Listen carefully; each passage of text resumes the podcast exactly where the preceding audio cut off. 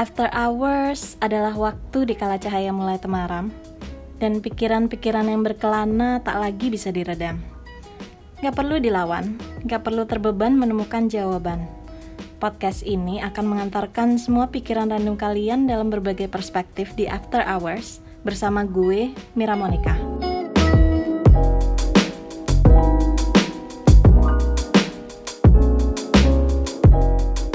Listen to your doubt with kindness and find your wisdom with an open mind.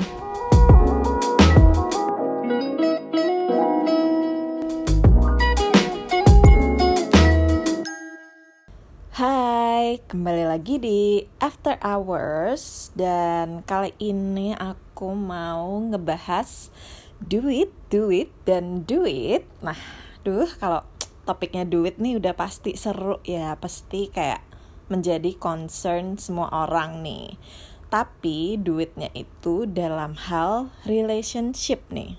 Aduh, biasanya pasti pada banyak gak sih yang suka bingung kalau misalnya baru punya pacar pasti kayak masalah duit tuh mungkin suka bingung kayak aduh nih gimana ya siapa yang bayar ya belum lagi kalau misalnya udah menikah pun kayaknya duit itu bener-bener urusan yang sensitif gitu tuh wah pokoknya krusial banget deh Nah, tapi biar seru nih, kali ini aku mau ngobrol ditemenin temen aku. Hai Kak Indri. Hai Kak Mira, apa kabar? Baik, aduh, udah lima tahun ya nggak ketemu. Ceritanya. Ceritanya ya. Oke, mungkin buat pada yang belum tahu mau dong dikenalin siapakah seorang Indriani Sembiring itu sama status mungkin? Uh, hai, aku Indri. Uh, aku sekarang ini kerja di Sosiola sebagai senior marketing project eksekutif. Dan sekarang statusnya ini um, sedang berpacaran. Yang ya yang sedang menuju uh, ke arah lebih serius. Wes, alhamdulillah ya kak ya. Oke oke. Nah, uh, sebelum nanti kita oprek-oprek nih dan berkonsultasi atau sharing-sharing bareng Kak Indri. Jadi kalau uh, ini ada beberapa data pendukung nih. Sebenarnya menurut Litbang 2016 itu juga menyebutkan bahwa persoalan ekonomi adalah satu dari empat alasan teratas perceraian. Sama kemarin salah satu teman aku juga sempat cerita-cerita tuh. Katanya uh, ada pastor pranikah nih di sebuah gereja gitu yang info kalau pasangan tuh banyak yang gagal nikah karena baru bicarain soal finansial pas bimbingan. Nah, jadi kebayangkan kalau sebenarnya tuh uh, finansial tuh hal penting buat diomongin gak sih dalam relationship Kak Indri? Oke, kalau sebetulnya aku juga nggak nyangka ya kalau ternyata uh, di dalam hubungan yang aku sedang jalanin ini tuh uh, bisa ngebahas hal yang menurut aku itu sensitif gitu. Karena waktu aku awal-awal uh, masih pacaran-pacaran ala-ala tuh jadi kayak misalnya di masa-masa kuliah atau misalnya di masa-masa sekolah itu tuh sebetulnya di mindset aku kalau misalnya pacaran itu harus punya pacar yang penghasilannya lebih dan bisa ngebiayain aku saat ngedate gitu kan. Pokoknya apa pun yang bisa kayak uh, membiayai aku lah. Terima beres lah ya. iya kan kalau misalnya apa ya uh, rata-rata ya pengennya sih seperti itu gitu kan walaupun kadang secara realita sebetulnya juga uh, nggak nggak melulu seperti itu gitu itu tergantung ke pasangannya masing-masing. Nah aku sudah mulai uh, menjalani uh, hubungan dan membicarakan secara terbuka untuk ngobrolin finansial ini tuh waktu kerja dan kebetulan emang uh, pasangan ini tuh cocok gitu kan yang sekarang aku jalanin juga gitu. Jadi awalnya uh, aku boleh ceritain ini juga kali ya kak uh, background storynya? Hmm boleh boleh. Sama ini dong penasaran kak Indri sama yang sekarang ini udah berapa lama sih atau berapa tahun sih barengan? Uh, pertama kali aku ngomongin uh, finansial keuangan itu sama pacarku yang sekarang ini aku jalanin itu yang udah aku pacarin enam tahun lalu. Wow, gila. jadi sekarang jadi sekarang udah enam tahun. Luar biasa ya. Nah, eh, kebetulan ketika uh, aku pacaran sama dia, nah dia itu kan sebetulnya sama kayak aku gitu. Jadi sama-sama merantau, terus juga sama-sama kerja dengan level yang sama juga gitu. Jadi uh, aku masuk ke salah satu televisi, terus ya kita sama-sama tahu juga gajinya sama Hmm. Terus udah gitu uh, ya karena kita ngejalanin bareng-bareng, itu uh, apa ya? Sempat awal-awal tuh kayak ah udahlah dia yang bayarin aja gitu karena aku masih me, me, apa ya menerapkan konsep yang awal beberapa bulan menjalani eh ternyata dia tuh kok kayaknya tuh semakin ke sini kayak semakin keberatan gitu kan oh, aku masih oh, polos okay. nih ceritanya pura-pura polos kan pura-pura polos ya catat tapi ternyata uh, itu tuh ternyata nggak baik gitu. Jadi uh, mungkin dia di tahapan yang aduh kayaknya gue nggak punya uang dan gue bukan anak sultan juga gitu kan. Kalau misalnya kayak gini terus bisa kering juga nih gitu kan. Udah capek-capek merantau tapi nggak punya simpenan gitu mm, uh, abisnya gara-gara pacaran.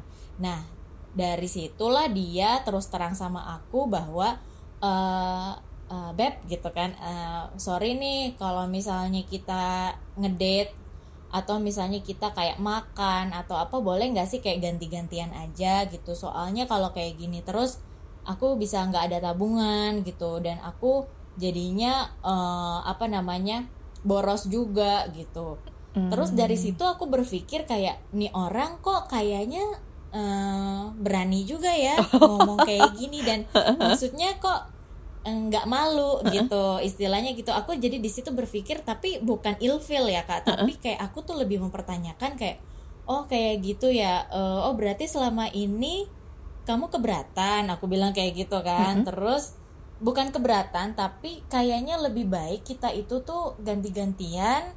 Terus juga biar kita juga bisa jaga keuangan masing-masing dan aku juga kan harus nabung gitu. Maksudnya kalau misalnya kita ke arah serius itu tuh kan juga uh, pada akhirnya juga kan dia yang akan membiayai pernikahan istilahnya gitu. Oh, terus okay. kayak oh iya ya kalau dipikir-pikir hmm, kasihan juga sih. Aku juga kayak jadinya berpikir ih iya ya ternyata kok aku selama ini enggak yang memikirkan kondisi dia juga gitu. Karena kan kita sama-sama merantau balik lagi uh, makan sen makan ya pakai duit sendiri ur, apa namanya bayar ini itu sendiri gitu kan gaji juga sama gitu. Maksudnya nggak ada alasan untuk dia itu uh, apa ya dibebankan ke dia semua. Atau misalnya kadang supaya sama-sama enak kayaknya mending ya udah sendiri sendiri aja gitu. Jadi berapa kalau makanan gue berapa gitu kan. Mm -hmm. terus eh, dua puluh lima ribu gitu kan.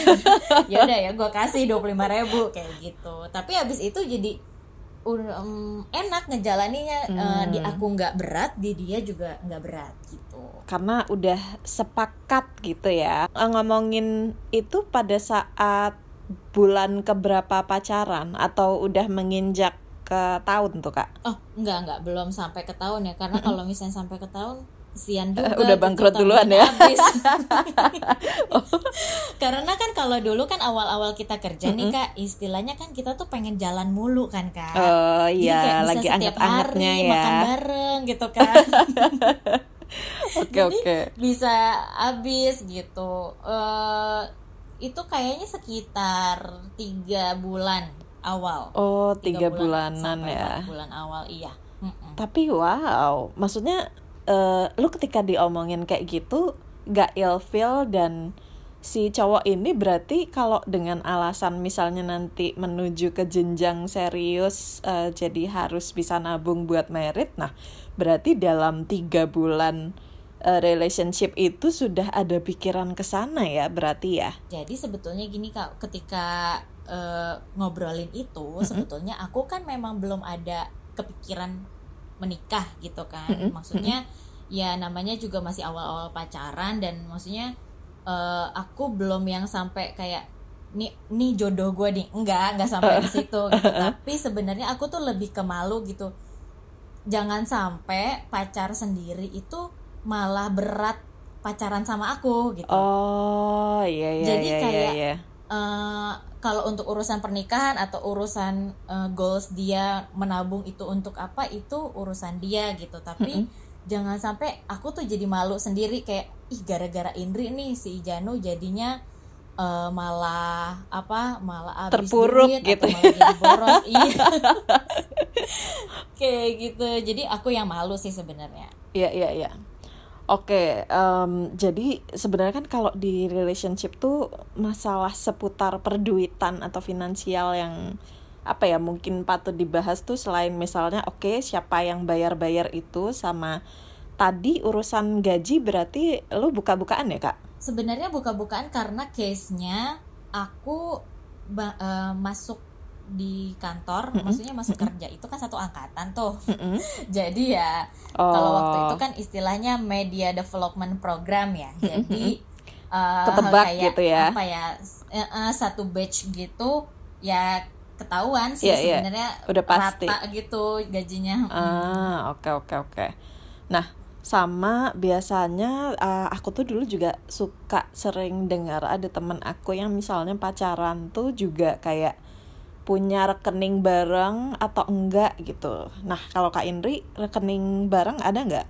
Kalau aku sebetulnya uh, komit sama diri aku sendiri gitu karena hmm. uh, aku dengar pernah dengar juga cerita dia sama pasangan sebelumnya sama mantannya itu memang pernah punya rekening bareng malah udah nabungnya tuh udah yang cita-citanya mau buat bikin rumah gitu kan. Oh, mulia sekali itu berat ya. banget. Oke.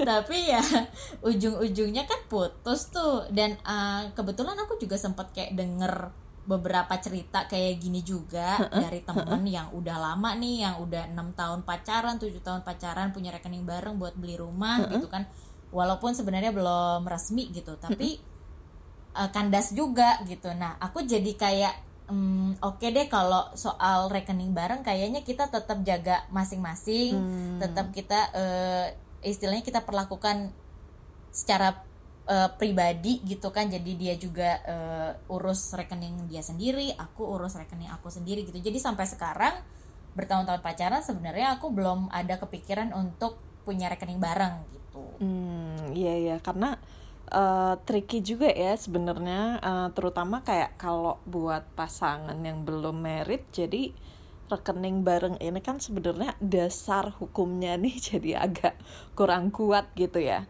Apalagi kalau misalnya nanti aduh ternyata nggak jodoh atau uh, sesuatu terjadi yang tidak diinginkan dan akhirnya misalnya harus pisah kan jadi ribet gitu ya kak urusan ke iya, belakangnya ya. bener kalau saldo tabungan gimana kak? Lu buka-bukaan nggak? Kalau kasus saldo tabungan, menurut aku ini nih yang beda gitu. Kalau sebelumnya aku sangat terbuka soal bayar membayar, tapi kalau misal soal saldo tabungan tuh menurutku ini yang harus kita jaga uh, secara private ya.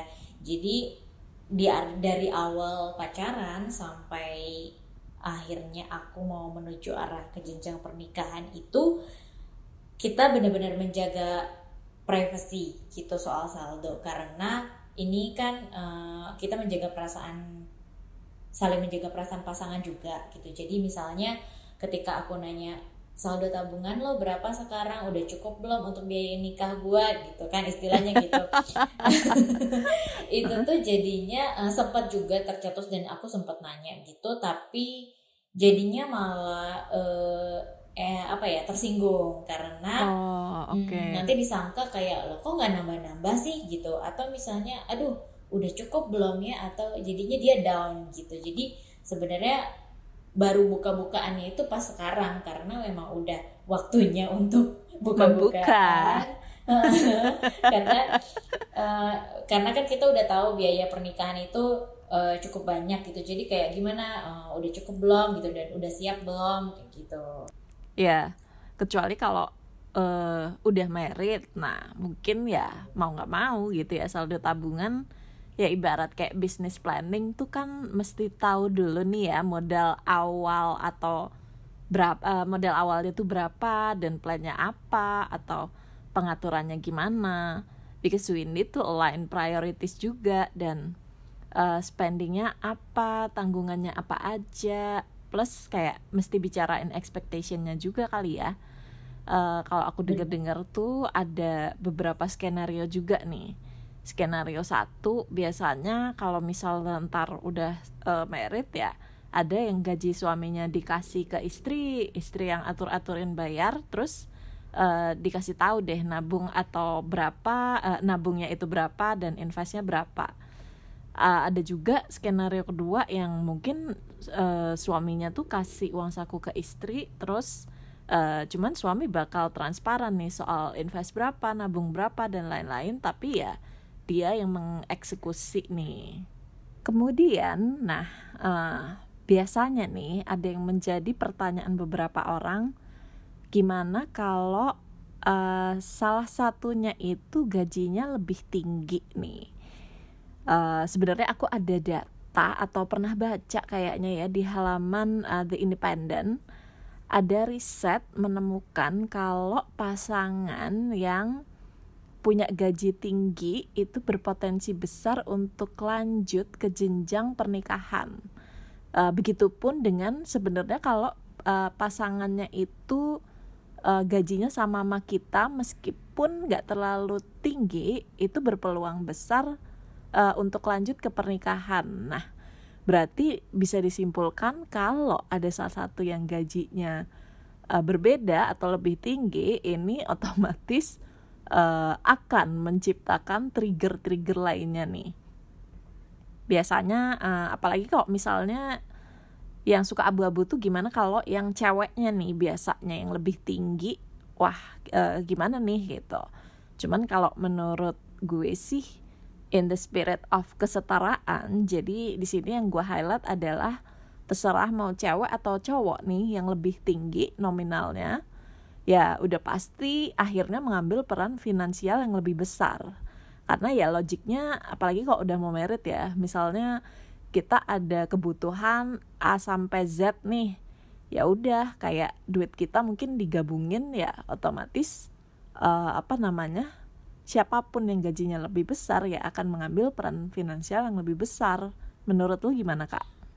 Kalau dari aku sendiri sebetulnya karena sekarang posisinya aku lagi masih belum menikah, jadi aku masih belum merasakan yang namanya dia lebih tinggi harus kayak gimana atau misal kalau aku gajinya lebih tinggi akan kayak bagaimana gitu. Tapi sebenarnya aku dan pasangan sebenarnya tidak pernah mematok hubungan itu diukur dari gaji, tapi diukur dari kita mampu nggak sih untuk uh, untuk mencapai gaya hidup yang sam sampai mana.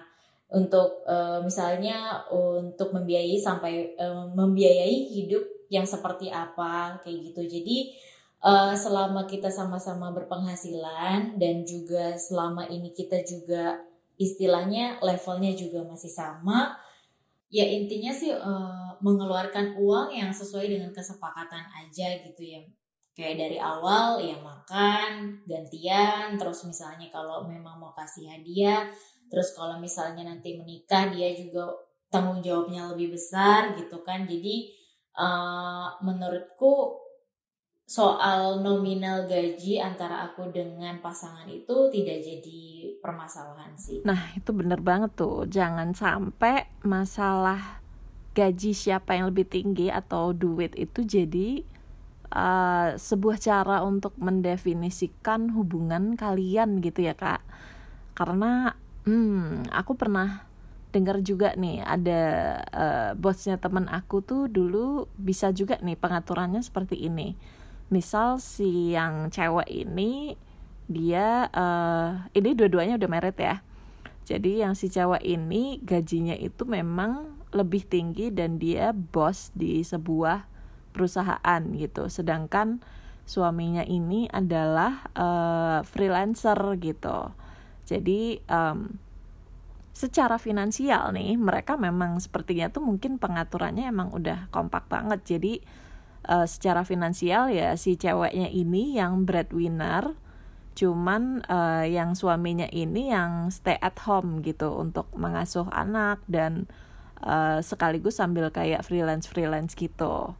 However, mungkin uh, secara kepala keluarga memang si suaminya ini tetap mengambil peran. Yep. Namun untuk kayak pengaturan finansial ya otomatis si cewek ini yang memang banyak berperan gitu. Bener banget Kamira, aku tuh setuju banget. Jadi intinya kalau walaupun nanti misalnya cowok yang kerja di rumah, mengasuh anak, atau misalnya sampai masak gitu ya, dan ceweknya atau istrinya itu kerja di kantor, itu bukan menjadi sebuah permasalahan dan menurut aku selama mereka sama-sama berpenghasilan terus juga keluarganya sejahtera bisa mencukupi keluarga itu gitu. Dan e, bisa membiayai sampai e, anaknya sekolah kuliah sampai kerja lagi ya itu nggak masalah. Dan belum tentu misalnya cowok yang kerja harus yang kerja gitu di kantor. Terus ceweknya hmm, di rumah belum tentu penghasilannya lebih besar daripada yang benar, case benar. kamera tadi gitu jadi udah sekarang sih di tahapan yang udah bukan lagi uh, apa ya cowok di, harus di kantor menjadi patokan yang penting ya sama-sama mereka saling uh, melengkapi, saling uh, apa namanya meraih apa cita-cita dalam keluarga itu cita, sendiri itu mau gimana gitu. bener banget sih, bener banget ya. Ya namanya juga kalau merit tuh kan pasti memang pengen ada yang dicapai gitu ya kayak ya. betul. Kayak kerja aja ada target ada achievement iya, ya. Iya keluarga juga harus punya goals kan ya kak. Benar-benar nah yang penting uh, prioritasnya tadi udah uh, ada alignment juga. Jadi jalannya tuh kompak gitu ya. Benar. In conclusion nah let's be realistic I used to think kalau duit tuh bukan masalah krusial just because gue tuh enggan membicarakannya. Kenyataannya ya duit itu masalah semua orang dari yang saldonya 100 ribu sampai yang 1 juta dolar. Apalagi jika in a relationship ini menjadi aspek penting yang kudu dibahas dan disepakati. Apalagi jika sudah ada long term plan bersama sebenarnya gak ada aturan saklek untuk masing-masing hubungan dan jangan compare pengaturan keuangan kamu dengan pasangan lain. I think masing-masing punya resepnya sendiri kali ya. Dengerin pengaturan dari pasangan lain boleh, tapi buat bahan pertimbangan aja. Selanjutnya, kamu yang harus membuat resep pengaturan finansial bersama sesuai dengan kemampuan dan kondisi kalian. Thank you for sharing Kak Indri di podcast kali ini. Thank you Kak udah bisa sharing bareng. Semoga bermanfaat ya. Oke, okay, see you on the next episode.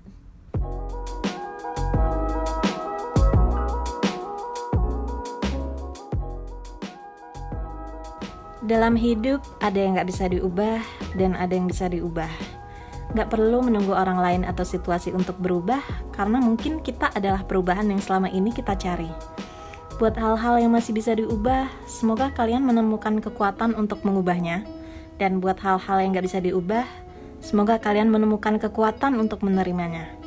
Dan untuk apa pun di antaranya, semoga kalian menemukan wisdom untuk menentukan mana yang masih bisa diubah dan tak bisa diubah. Sampai di sini after hours, time to meet our peace of mind.